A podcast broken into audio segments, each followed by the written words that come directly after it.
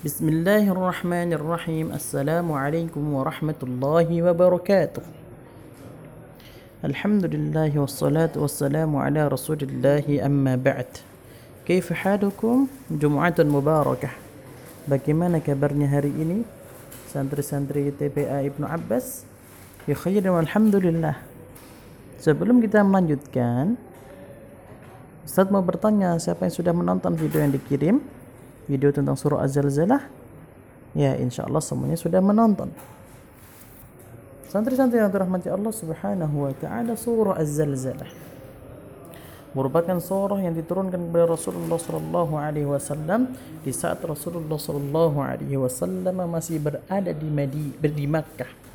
Jumlah ayatnya ada delapan. Surah Az-Zalzalah menceritakan kengerian pada hari kiamat sehingga banyak manusia penasaran terhadap apa yang terjadi.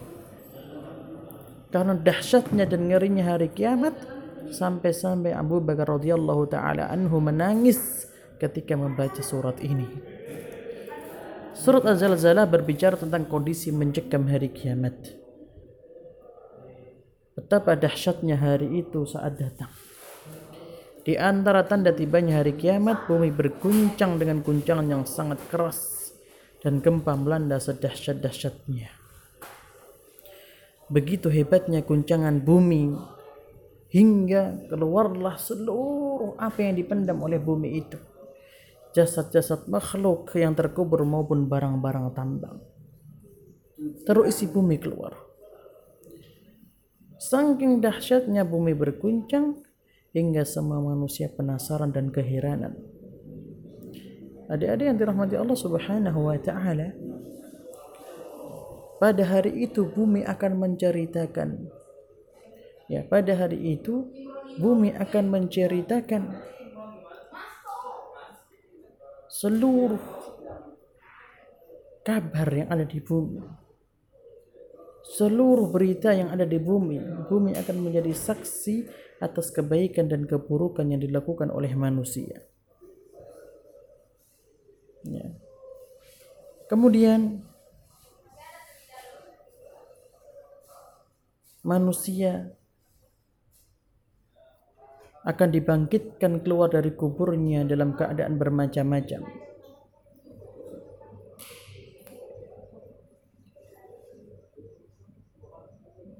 Mereka akan menuju tempat berkumpul seluruh manusia dari awal sampai akhir.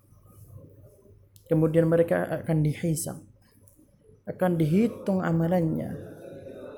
Maka setelah itu manusia akan terbagi dua golongan golongan orang yang berbahagia golongan yang akan mendapatkan kenikmatan dari Allah Subhanahu wa taala dan golongan orang-orang yang mendapatkan kesengsaraan di akhirat. Adik-adik yang dirahmati Allah Subhanahu wa taala di ayat yang ke-7 dan ke-8 sangat bagus untuk kita renungi faman ya'mal mithqal dzarratin khairan Barang siapa yang beramal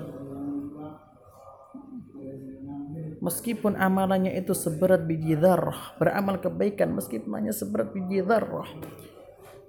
Sekecil apa pun amalan dia maka akan dibalas oleh Allah Subhanahu wa taala.